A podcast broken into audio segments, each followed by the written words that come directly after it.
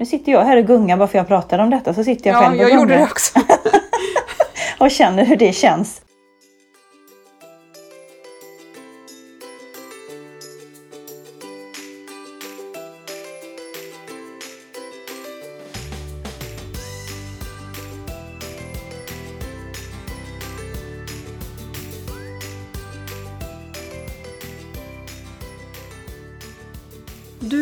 Lyssnar på det sjunde avsnittet av Nordlyckans podd med mig Emma. Och det här avsnittet sänds i samarbete med TFO Sensory. Jag är mamma till tre barn, Alve, Vide och Tuva. Vide som är fyra år har en sällsynt diagnos, ett syndrom som heter MAN 1B1 CDG. Och CDG är ett samlingsnamn för olika typer av ämnesomsättningssjukdomar som påverkar nervsystemet. Och för Vide så har den här sjukdomen gett ett antal olika funktionsnedsättningar. Han har bland annat en intellektuell funktionsnedsättning, han har autism, sen motorisk utveckling, en balansrubbning, svårt att reglera sin kroppstemperatur och en hjärnsynskada. Idag gästas jag av Eva från TFO Sensory. Välkommen till Nordlyckans podd. Tack så mycket Emma.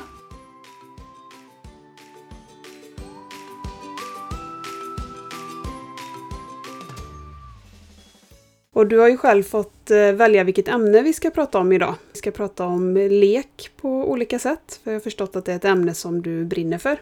Ja, det är det. Och jag tänkte att du kunde få börja och berätta lite om dig själv och vad du själv har för koppling till den här världen som jag kallar för funkisvärlden. Det ska jag gärna göra. Jag heter som sagt var Eva Söderbaum och driver företaget eh, TFH Sensory. Eh, Vår hemsida heter tfhsensory.se och jag finns i Varberg med verksamheten och bor här med min familj. Och hur jag hamnade in i denna världen, det var att ehm, för många år sedan så hade jag den stora äran, säger jag, att få jobba på en specialförskola på barnhabiliteringen i Varberg. Och då hade vi sju barn och vi var extra bonus med eh, ja, uppemot tio, tio personal ibland. Och i samma hus, under samma tak, så hade vi ju hela teamet runt de här barnen med kuratorer, logopeder, sjukgymnast, arbetsterapeut. Och sen hade vi också mitt paradis som var hjälpmedelsverkstan där vi hade jätteduktiga hjälpmedelstekniker som, eh, som jobbade. Och, eh, jag är av naturen en lösningsbenägen person och eh, hade ju ingen erfarenhet utav att jobba med barn med funktionsvariationer och hade ingen i min närhet heller. Men jag, jag, jag blev direkt så eh, intresserad utav att hitta lösningar i vardagen för de här barnen. Och framförallt det här med lek, att kunna leka på lika villkor, att kunna... Att det skulle inte finnas några begränsningar helt enkelt. Väldigt ofta så rusade jag iväg till den här lilla hjälpmedelsverkstaden som vi hade och tog hjälp av de duktiga personerna och och vi fixade, vi trixade med kardborreband med skumgummi och det syddes och det, det, det grejades liksom. Och så kunde man hitta någonting som löste just det momentet där och då. Man behövde inte liksom vänta. Så det var en, det var en härlig miljö. Den typen av förskolor kanske, jag vet inte hur det ser ut med det idag. Jag är lite för långt ifrån från den världen. Vet du någonting om det, Emma, hur det ser ut med den typen av specialförskolor? Ja, jag vet att i Borås finns det en specialförskola där det är barn med handikapp som går. Annars så tror jag de flesta barn går på vanliga förskolor. Mm. Sen vet jag att på vissa ställen finns det ju specialförskolor. Vi har bland annat gått på Bräcke diakoni på träning med Vide och där mm. finns det ju en förskola. Och de eh, har nog ändå lite mer av det här extra möjligheter. Men eh, i stort tror jag att de flesta barn går på en helt vanlig förskola. Att man har tur om man få möjlighet att gå på en specialförskola. Mm. Ja, när vi, det var väldigt roliga år och vi, ehm, men det var också många utmaningar och leken är ett fantastiskt verktyg eh, att ta till. För eh, många gånger så är det ju så att man har, har man har svårigheter som man behöver, man behöver träna och vissa av de här träningsmomenten var ju ofta ganska jobbiga. Ibland kunde det göra ont och man kunde se att ja, det är bra om man kan göra detta under si och så lång tid och hålla motivationen och peppet uppe under den tiden för, för ett litet barn. Det var en jättestor utmaning. Och då är det ju just att när någonting är lustfyllt och roligt och motiverande och man inte vet om att man tränar. De tillstånden var någonting jag ständigt var på jakt efter och jag är nog på jakt efter det för mig själv också när det kommer till träning eller göra någonting. Alltså när det är lustfyllt och roligt så, så glömmer man ontet. och man får en liten annan uthållighet upplever jag. För det här ordet eh, kravkänslig, det hade jag säkert kommit i kontakt med innan vi fick vide, men med honom har jag verkligen förstått ordets innebörd. Att det finns personer som är så otroligt kravkänsliga att om han känner att det är någonting som han gör som det är jag eller min sambo som vill att han ska göra så kommer han inte göra det. Utan man måste hitta saker som han vill göra själv. Och att ni väver in de där momenten liksom som... Ja, det kanske är vissa saker som vi vill fokusera på eller vill att han ska träna på. Men han får inte förstå att det här är en träningssituation. Nej. För då kommer han inte vilja vara med. Utan man måste hitta saker som, som han tycker är roligt. Precis. Och nu ska jag ju leva på att sälja material och sälja produkter och sälja leksaker och pedagogiskt material. Men det är ju inte alltid det som är lösningen. Det kan ju bara vara att pappa har det där otroligt knäppa ljudet som bara han kan låta som. Alltså det är det som måste till. Eller någon musik som man tycker om att lyssna på. Det kan vara precis vad som helst och det är det som är utmaningen att hitta, hitta just det där. Vi fokuserar ganska mycket på kommunikation just nu. Vi har ett specialintresse för böcker och då använder vi oss mycket av det. Ja! Att han tror att vi läser fast egentligen tränar vi med talapparaten. Just det, lurigt. Alla otroligt kreativa, jag tror det är den, ett av det mest kreativa folkslaget i vårt land, så är det funkisföräldrar. Därför att man måste vara sådär påhittig och, och, och fånga de där små, små momenten.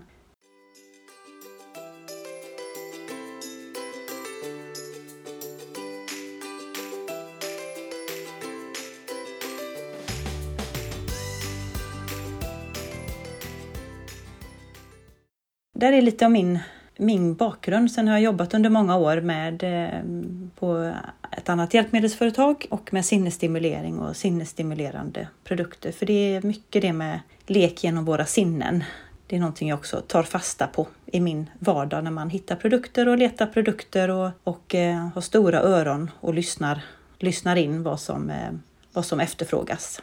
För det är ju ett sånt där ord som man ofta stöter på, sinnesstimulerande. Ja. Hur, skulle du, hur skulle du beskriva det, vad det innebär? Om man säger när jag började jobba med detta, då var det mycket sinnesstimulerande. Att vi ska ha saker som stimulerar våra sinnen. Men sen vet vi, ehm, jag tror inte att jag talar bara för mig själv, att vi lever i en ganska hektisk värld och det det, ibland blir det att vi får kanske lite för mycket av det goda. Det blir för mycket sinnesstimulering och då kan man även behöva sinnesreglering. Så jag skulle väl vilja beskriva, om vi börjar den änden, liksom, vad, är, vad är våra sinnen för någonting? I min värld så är det ju våra fönster ut emot våran omgivning. Det är genom våra sinnen som vi får information om vad som händer runt omkring oss, faror, men också härliga, fantastiska saker. Och det, sen har vi ju, om man pratar om synen och hörseln och lukten och smaken, sen har vi andra sinnesfunktioner som vårt beröringssinne och vi har ett sinne som vi kallar för muskel och ledsinnet. Och sen är vårt balanssinne. Och det, de sinnena är, de, de går mer inifrån och ut. De talar liksom mer om inifrån den egna kroppen hur det känns. Låter det luddigt? Alltså synen och hörseln och lukten och smaken är sånt vi tar utifrån och in Medan balansen, den har vi i vårt öra, vårt muskel och ledsinne, det sitter i våra muskler och leder. Och eh, vårt beröringssinne, det kommer både utifrån genom våran, vad vi får mot våran kropp, och vårt, men, men också liksom inne i kroppen. Så när man bakar ihop alla de här sinnesfunktionerna, då har jag ju full koll på mig själv och eh, min omgivning. Men eh, det som är det mest spännande att jobba med detta med sinnesstimulering, och hitta rätt sinnesstimulering för den enskilde, det är just att vi är så olika.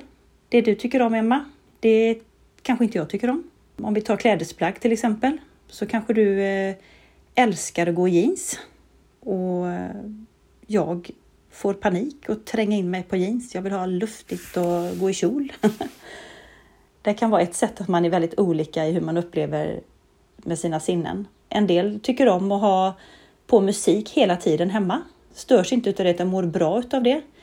Jag blir jättestressad. Ska jag lyssna på musik så ska jag lyssna på musik. Inte ha på det som skval i bakgrunden.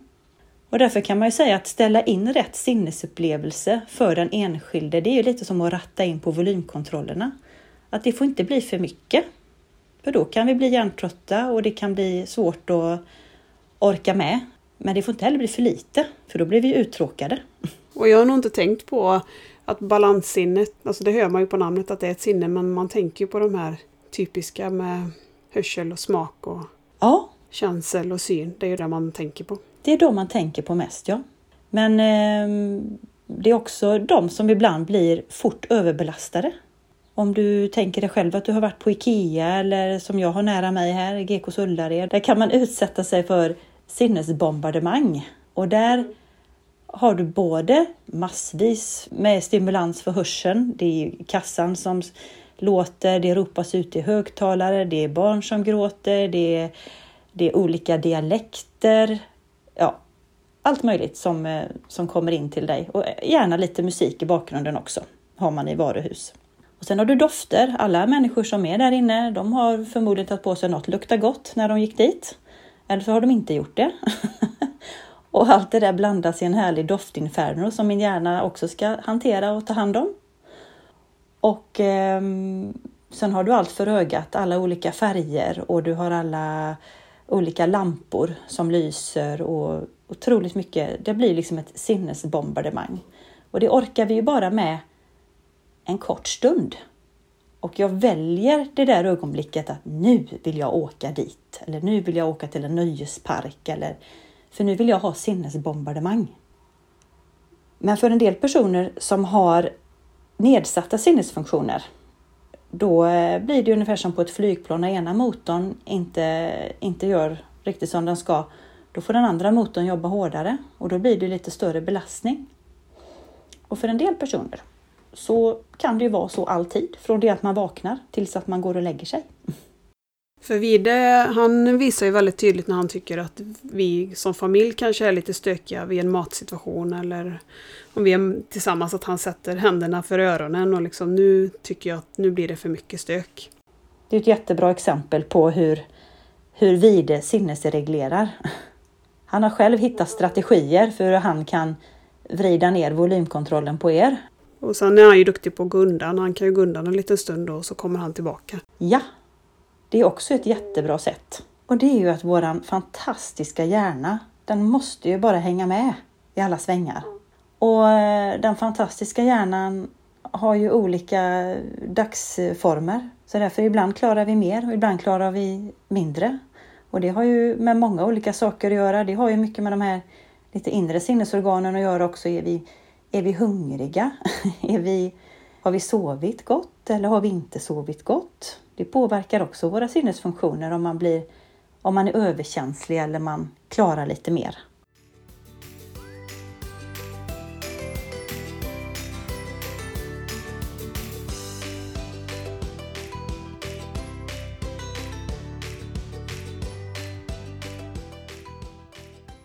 Och det var just det här som jag känner att jag tycker det är så spännande att få jobba med detta. För vad vi gör på TFH Sensory också då, det är att vi inreder sinnesrum. Har du hört det ordet någon gång?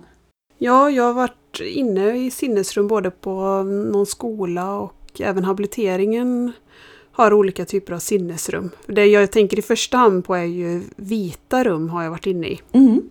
Det är ju ett rum som är gjort för att det ska kännas lugnt. De jag har varit inne i har haft vattensäng kanske eller någon sån här säng man sitter på som ger ifrån sig musik eh, och vibrationer. Ja, Olika typer av lampor och det är det jag tänker på när jag tänker på. precis. Och där, då har du varit inne på de här sinnena. Då har du sagt en vattensäng. Ja, vad stimulerar den? Jo, det är just balanssinnet. Och så sa du att det var musik i den också. Ja, då får du vibrationer. Då stimulerar det muskel-ledsinne och ditt beröringssinne, ditt taktila sinne som man säger med ett annat vackert ord, känselsinnet. Så då har du massa sinnesstimulans bara av att ligga i en vattensäng med musikvibrationer. Och varför kan det vara bra?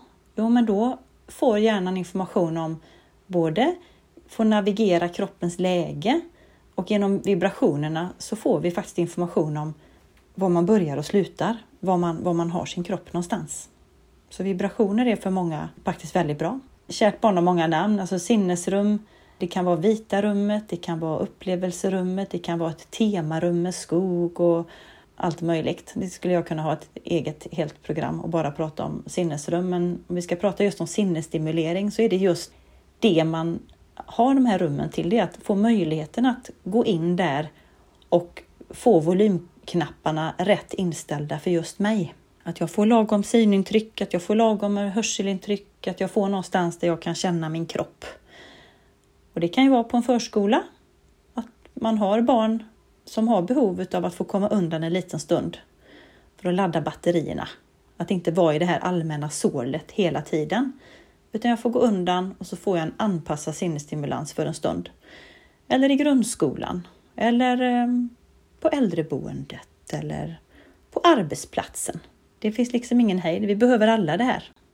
Och det här med sinnesrum, nu pratar jag om det som att det är något stort extravaganst som bara eh, man, kan ju göra, man kan ju göra sina egna sinnesrum hemma eh, och det hjälper jag jättegärna till med. med. Nu har vi haft våra, våra kompisar i andra länder under den här pandemitiden i England och USA till exempel där man har haft fullständig lockdown, vilket har varit väldigt jobbigt för många familjer. Och där har det ju kreativiteten bubblat i hur man har gjort små egna när man inte har kunnat gå till sinnesrummet som man är van vid och kanske flera gånger i veckan har man varit i något sinnesrum. Så kan du inte det, du får inte gå hemifrån. Så där har det knåpats ihop diverse eh, fantastiska sinnesrum med enkla medel hemma. Men för jag har sett den här typen där man har mer som en låda, att det är liksom inte, inte ett rum i den bemärkelsen Nej. utan mer en plats. Precis, ett litet, ett litet rum i rummet. Att man avgränsar, det kan man göra med tyger, det kan man göra med, det finns eh, färdiga små tält, det finns färdiga små moduler som man bygger ihop att skapa ute, lite utifrån vad man är ute efter. Om man inte liksom, för man kanske inte vill att hela rummet alltid ska vara ett sinnesrum, men man vill ha någon liten vrå där jag går undan och där jag får den typen av stimulans. Då. Det är bara fantasin som sätter stopp och det är ju det jobbiga.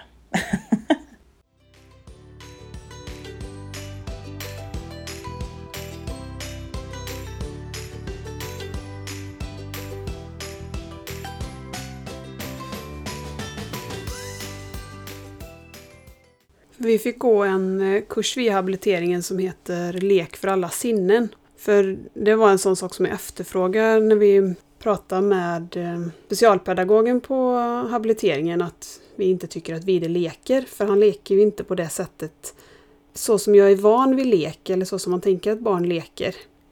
Men då fick vi dels gå på en föreläsning där de pratade om lek eh, så att man fick en liten annan bild av vad lek kan vara. Och sen fick vi komma och testa praktiskt också. Och då gick man igenom olika och då fick han testa bland annat saker som vibrerar. Och så fanns det sådana vibrationsleksaker som var trycka hända så att om man tryckte på den så vibrerade den en stund och sen slutade den och så. Och det kunde han ju sitta med jättelänge för det blev ju dels att han kunde styra den själv och dels att han gillade de här vibrationerna i det här gosedjuret. Ja, nu är du inne och nosar på det här trycka hända, orsak, verkan ett grundläggande begrepp när det kommer till, till allting egentligen. Att jag gör någonting och det får en effekt. Hela livet grundar sig ju egentligen på det.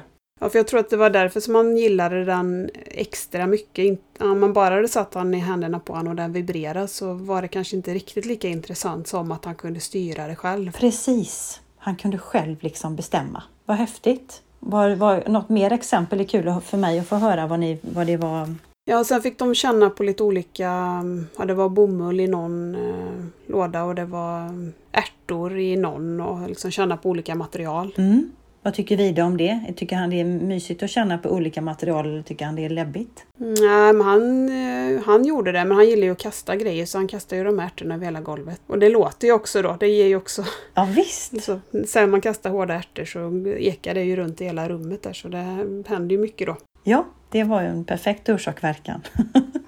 Eh, sen gillade han, de hade satt upp ehm, med talknappar på väggen och så var de eh, med olika djurljud. Så där stod han länge och tryckte också. Mm. Så var det liksom kopplat till en bild. Sen fick han testa lite olika trummor och så fick han testa saker som man vände på där det åkte kulor som i en, ehm, liksom som i en, eh, vad säger man, som en rutschkana eller en spiral ner. Ja, just det. Man kunde vända på den fram och tillbaka så var det ju både ett synintryck och att den lät väldigt mycket. Precis. Och sen fick vi gå till vattenrummet och leka. Och han älskar vatten så det var ju en riktig hit. Så där stod vi länge. Ja, Och det går ju att leka med vatten på så många olika sätt. det gör det. Och sen hade de då ett som jag vet inte vad de kallar det, men som var som ett vita rummet eller ett sånt rum med olika typer av lavalampor och det fanns något sånt där ljusdraperi och den här sängen som jag, vi pratade om innan då som vibrerade. Och, och där fanns också trycka hända för då fanns det att han kunde slå på den här lampan eller han kunde byta färg på lampan Mm, med hjälp av två knappar. just Och då stod han ju också där länge och tittade och förstod ju att om jag trycker nu så blir den blå och sen blir den röd. Ja, Så det var de sakerna vi fick testa och det, sen så kombinerade de detta då med bildstöd så att det gick ganska bra. Han har ju svårt annars med att förflytta sig från rum till rum kan ju vara ett problem men det var så pedagogiskt uppstyrt så han var på superbra humör hela den här timmen när vi liksom vandrade från rum till rum och fick testa olika saker. ja, det är ju fantastiskt. Vad är detta genom habiliteringen som ni fick gå den här kursen? Ja, habiliteringen i Borås har en, den här kursen som heter Lek för alla sinnen. Så fantastiskt bra. För att få lite inspiration till vad man kan göra istället när den traditionella leken inte... Han leker ju inte på traditionellt sätt men han kan ju leka utifrån sina förutsättningar. Precis. Då fick ni en idéboost igenom där. Att man, och då misstänker jag, eller jag tänker att det kanske blir så då att när man är, när man är ute på eh, rull var som helst så ser man saker som, som du tänker, den här skulle nog Vide kunna tycka är rolig. Och det kanske inte är någonting som har med lek att göra. Det kan ju vara någonting helt annat. Utan man bör se möjligheten i olika material. Och det, det gäller att komma in i sånt där, vad ska jag säga, ett, ett mindset och börja se vad tycker just det här barnet är roligt. Ja, och se på leken på ett annat sätt. Att det finns mycket som är lek som inte jag hade kopplat till det ordet tidigare. Att man får vidga lite det ordets betydelse mot det stereotypa som jag tänkte innan. Precis.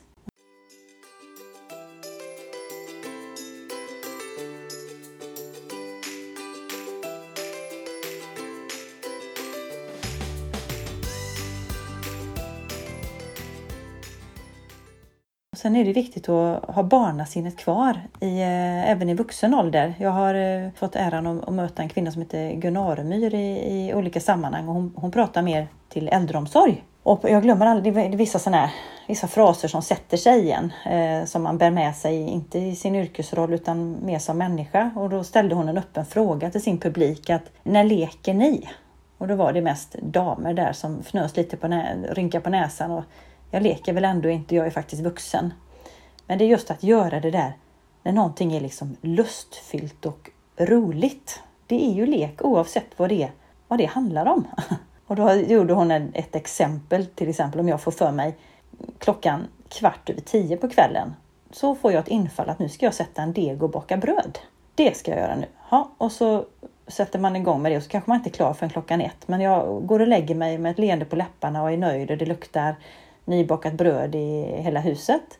Men om det hade varit att jag var tvungen att sätta en deg och baka bröd för att jag har inte mat på bordet, då är det inte lek. Så samma sak som man gör kan ju faktiskt vara lek eller, eller jättetråkigt. Och det är också, jag hör många som är frustrerade för tyvärr är det så att mycket av det materialet som jag jobbar med, som jag säljer, det är tyvärr ganska dyrt. Och det är ju för att det kanske inte masstillverkas i den bemärkelsen som den traditionella leken gör som du var inne på innan med. Och då, då håller det ett lite högre pris och ibland blir man trött som förälder att ah, så är den rolig bara en liten, liten stund. Och det, det är ju det, så att detta är ju utmaningen för de här barnen tycker jag är, de är ju fantastiska på att man får själv ha alla sinnen supervässade för att se de här nyanserna. Vad är roligt och vad funkar och så. Så leka får man inte glömma. Det är livsviktigt i alla sammanhang. Vad tycker vi det? Vad är hans, vad är hans lek just nu? Ja, böcker är det som han väljer själv. Att han går och hämtar böcker och sitter och bläddrar. Mhm. Sen kan han ju leka andra saker också men då krävs det lite mer styrning från oss. Mm. Och sen är det ju också att han...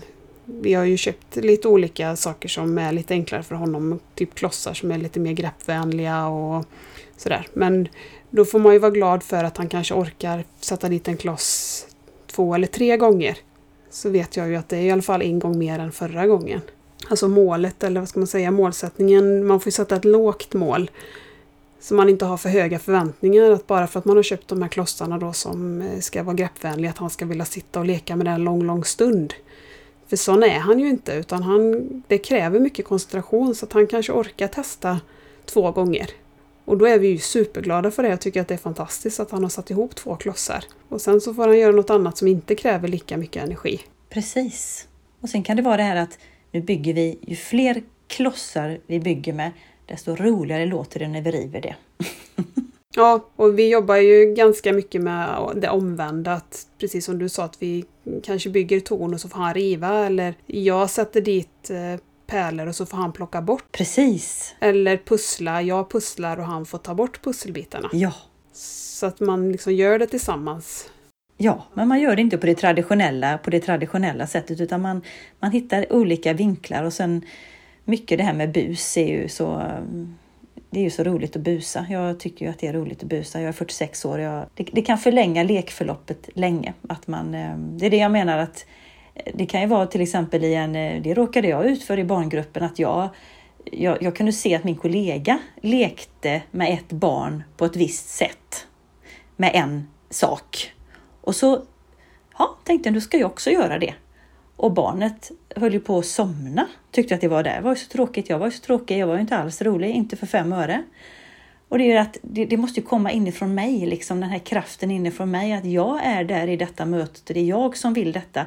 Så ja, jag har jätteroliga saker på TFH Sensor. Hela min hemsida är full med nästan tusen artiklar med lekfullt material. Men det, det, ställer också krav på omgivningen, att man, att man är pepp själv när man är där och introducerar det och så. Vissa produkter är ju roliga i sig själv, men det kräver det är mycket det här samspel och kommunikation som du beskriver, Emma, att man hittar ett, man hittar ett omvänt perspektiv hur man, hur man leker med saker och ting.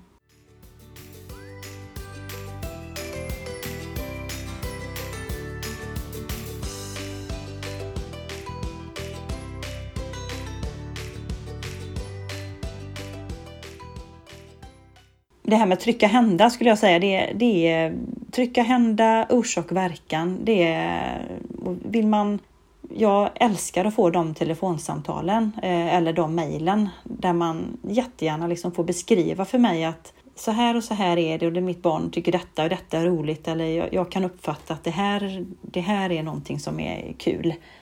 Och då är jag jättegärna behjälplig och letar i djungeln utav produkter. För det kanske man inte alltid har tid för heller som mamma eller pappa, för det är ganska hektiska dagar.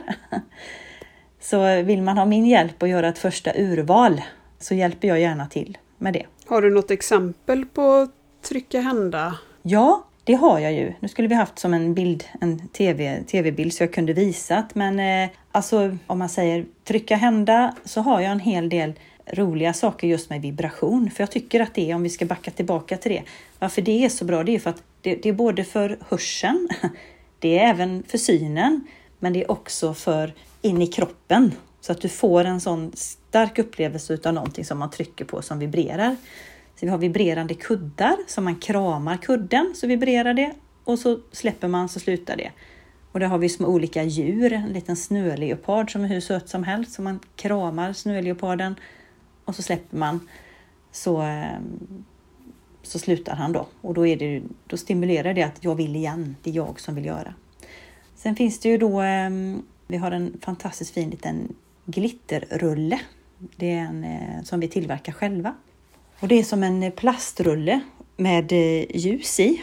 Och i det så ligger det massa pompombollar, sådana här små glittriga bollar. Och då kan man koppla den till en ehm, kontakt så att man startar och stoppar den här rullen så att den snurrar. Och så kan man även styra hastigheten så att den rullar, rullar lite fortare. Men den snurrar inte jättefort och det är tanken att den ska gå långsamt så att man hänger med. Men den är också fiffig med trycka hända. Man kan även lägga handen på den så slutar den och då börjar det lite vibrera. För motorn säger att släpp mig, jag vill igen. Så, så jag, har, jag har väldigt många olika varianter på trycka hända. Sen har vi bara de här små knappar som man kan spela in egna läten. Och alltså jag eh, kommer aldrig komma ur kiss och bajsåldern. Men att spela in egna pruttljud eller egna ja, rapar och pruttar och eh, olika skojiga läten, det kan ju vara hur roligt som helst. Att man vill trycka igen och man vill trycka igen. Och det kan ju vara att jag får lyssna på mamma. Mamma säger någonting, pappa säger någonting, något syskon säger någonting, farfar säger någonting. Att jag får trycka på knappar och lyssna på dem jag har nära mig. Det hör jag många som, som använder dem på det sättet. Ja, just det. Jag hade en pappa som kunde prata som kalanka en gång och det var liksom det vi fick spela in. De här Kalle, det pappas kalanka ljud fick liksom vara på alla knappar och så satte vi dem på väggen och eh, när den här pojken skulle stå i sitt ståskal som han inte tyckte om. Och tanken var att stå i ståskalet att man ska sträcka upp sig och man ska sträcka upp sin arm och försöka nå saker för att verkligen få sträcka ut bålen och så. Och bara göra det utan någon motivation, det fanns inte på kartan. Men eh, att den gula knappen satt på väggen där uppe och trycka på den så låter pappa, då är det pappa kalanka.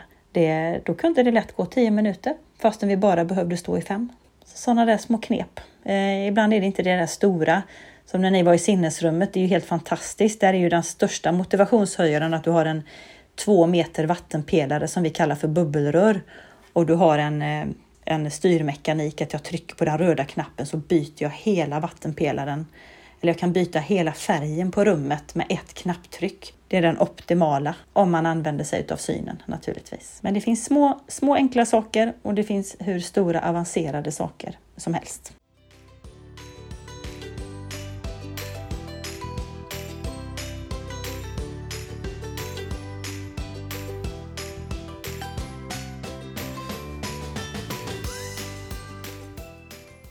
Sen har vi det här med eh, något vi på TFH Sensory är lite kända för. Det är att vi tillverkar gungor och gungställningar.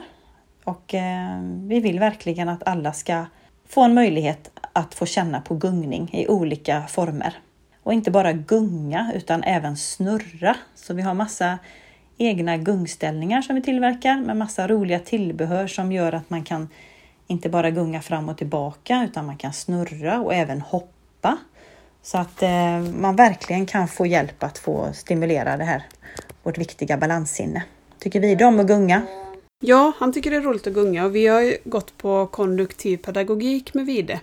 Och då pratar de ju väldigt mycket om det här med balanssinne och att gärna gunga åt olika håll för att stimulera som balanssinnet att örat får röra sig. Mm. Så att vi gungar mycket och han tycker att det är roligt att gunga också så att han får ju gunga liksom helt vanligt också utan att det finns någon tanke på att vi ska jobba med balansen utan bara gunga för att det är kul. Ja, vi har båtgungor och vi har små alltså gungor som är som en liten, blir som en liten koja eh, så man kan känna sig trygg och inte känna att man ramlar ur.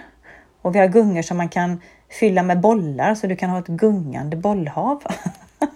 Ja. och det finns eh, ja, alla olika möjliga varianter på gungor och även gungor för vuxna. För det är det är någonting som händer. Jag vet inte i vilken ålder som man slutar och utmana sig. Och det är viktigt att hela tiden utmana det här balanssinnet så att det påverkar vår balans och vår kroppskontroll. Och, och sen inte bara det, många, många känner faktiskt ett lugn i att gunga. Nu sitter jag här och gungar bara för jag pratar om detta så sitter jag ja, själv och jag gungar. gjorde det också.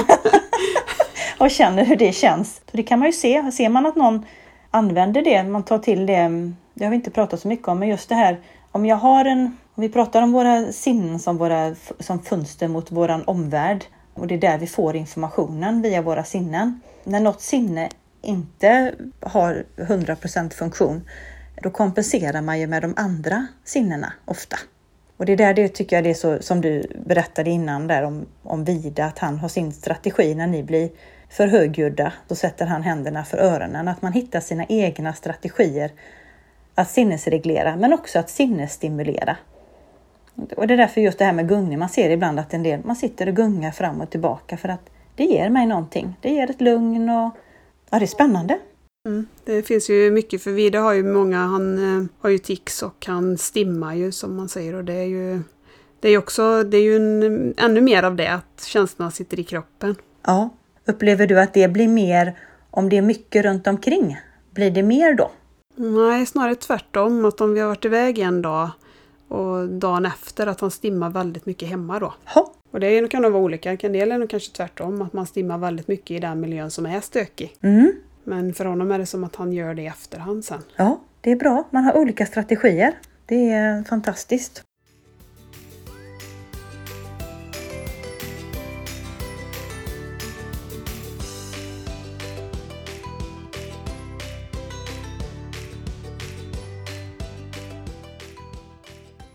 Lek är när det inte är kravfullt. Lek är när jag gör någonting utan att jag tänker på det. Man kanske går på barnhabiliteringen och man träffar olika professioner och eh, man får tips och råd kring eh, olika saker, olika förmågor som man, man får tips på, kanske via specialpedagog och så. De är ju superduktiga på att ge den här tipsen och idéerna, men jag känner det är ju, det är ju just som förälder så är man där hela tiden och kan, kan fånga de här signalerna om vad är det som är roligt, som du sa innan med Vida, han tycker det är kul att kasta.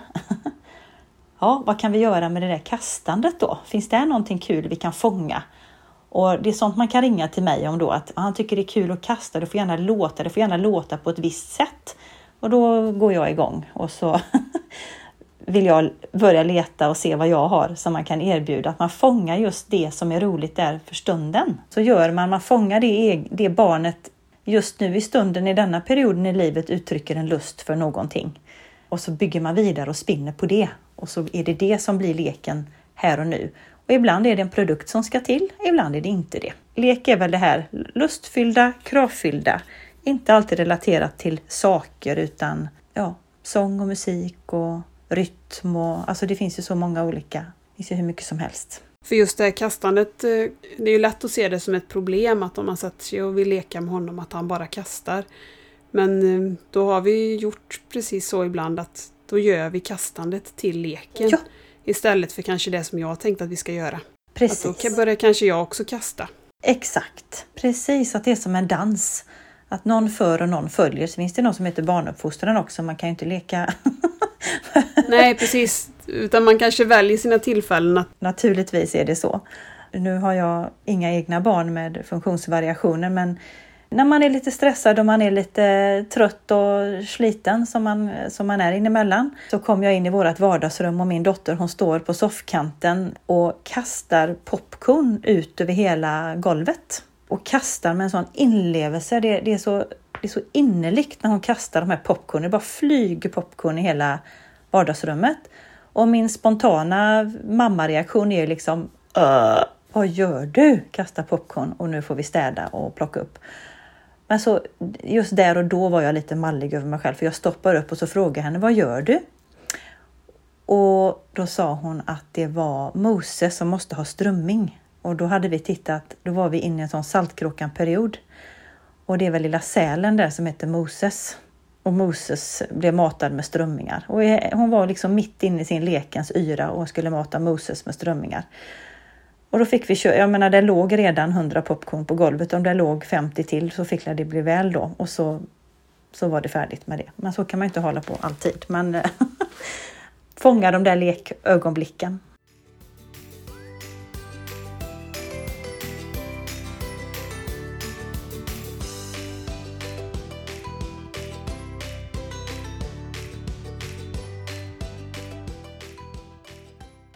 Men framförallt så tycker jag utifrån att göra de där jobbiga momenten, att man, kan man hitta sätt att, att göra jobbiga moment roliga med hjälp av lek och utvecklas genom lek. Alltså, jag har inte berättat så mycket om TFH, men TFH är ett familjeföretag som kommer från England och eh, det är våran pay-off eh, i vad företaget står för så är det Overcome obstacles through play och det är att överkomma hinder med hjälp av lek.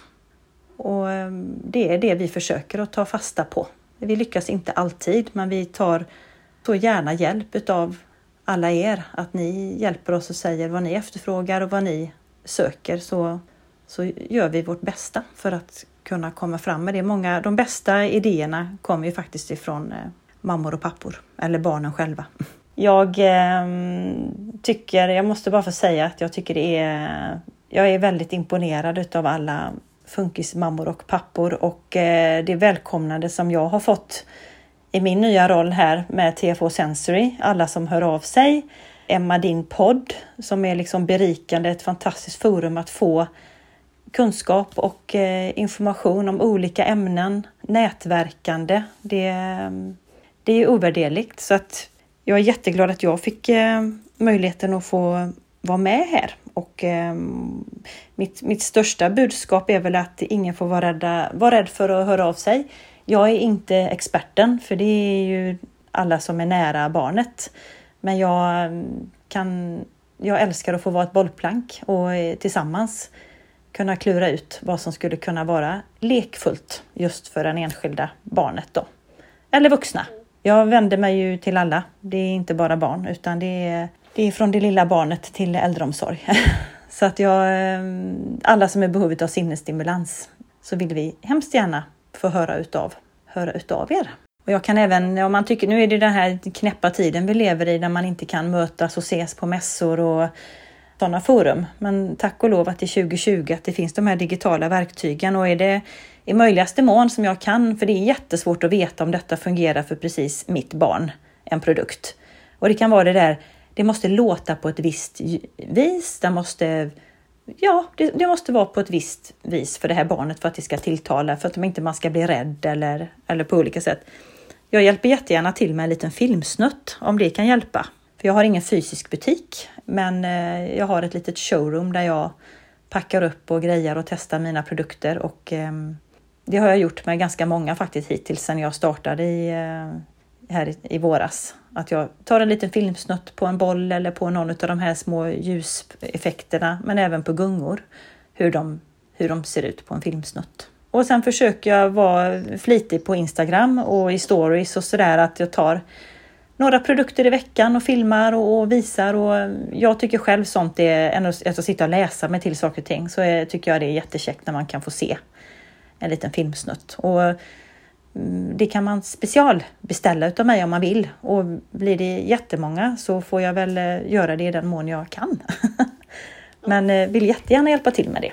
För det är svårt att veta i en katalog eller bara på en bild i en hemsida hur saker och ting fungerar i just för mig. Vi har ju, nu finns eh, TFH i Sverige då, finns även i England, men jag har eh, även eh, kollega i Kanada och i USA finns vi också. Och därför så har vi ju ett bra nätverk där vi liksom, alla produkter är inte tillgängliga på alla marknader så vi har inte helt likadant sortiment. Men vi hjälper varandra jättemycket och tipsar och, och sådär så att därför får ni aldrig vara rädda för att höra av er och har du hört talas om den här? För det, det mesta har jag nog hört talas om, men det kanske inte är tillgängligt just nu eller så. Så löser man det. Så att eh, det är bara att dundra mig med frågor helt enkelt. Mm. Mm. Det är ju det som är så roligt med den här podden, att man kan tipsa om saker. Precis. Att man kan nå ut med tips. Du känns väldigt kunnig och det har varit eh, jätteintressant att lyssna. Och så hoppas jag att du eh, kör på Emma med din eh, podd. Kul för mig att få lära mig. Det, man känner sig som en Bambi på hal is när det är detta. Men eh, du är kunnig. vänder jag den tillbaka till dig. Ja, jag kan. Jag är expert på video i alla fall. Ja. Och man blir expert på det som är kring honom. Men sen kan man ju inte allting i denna världen. Utan jag lär ju en massa nytt hela tiden. Mm. Ja, det har varit jätteroligt att, att ha dig med idag. Tack så mycket Emma. I nästa avsnitt kommer det bli en sommarspecial där jag pratar lite kring semester.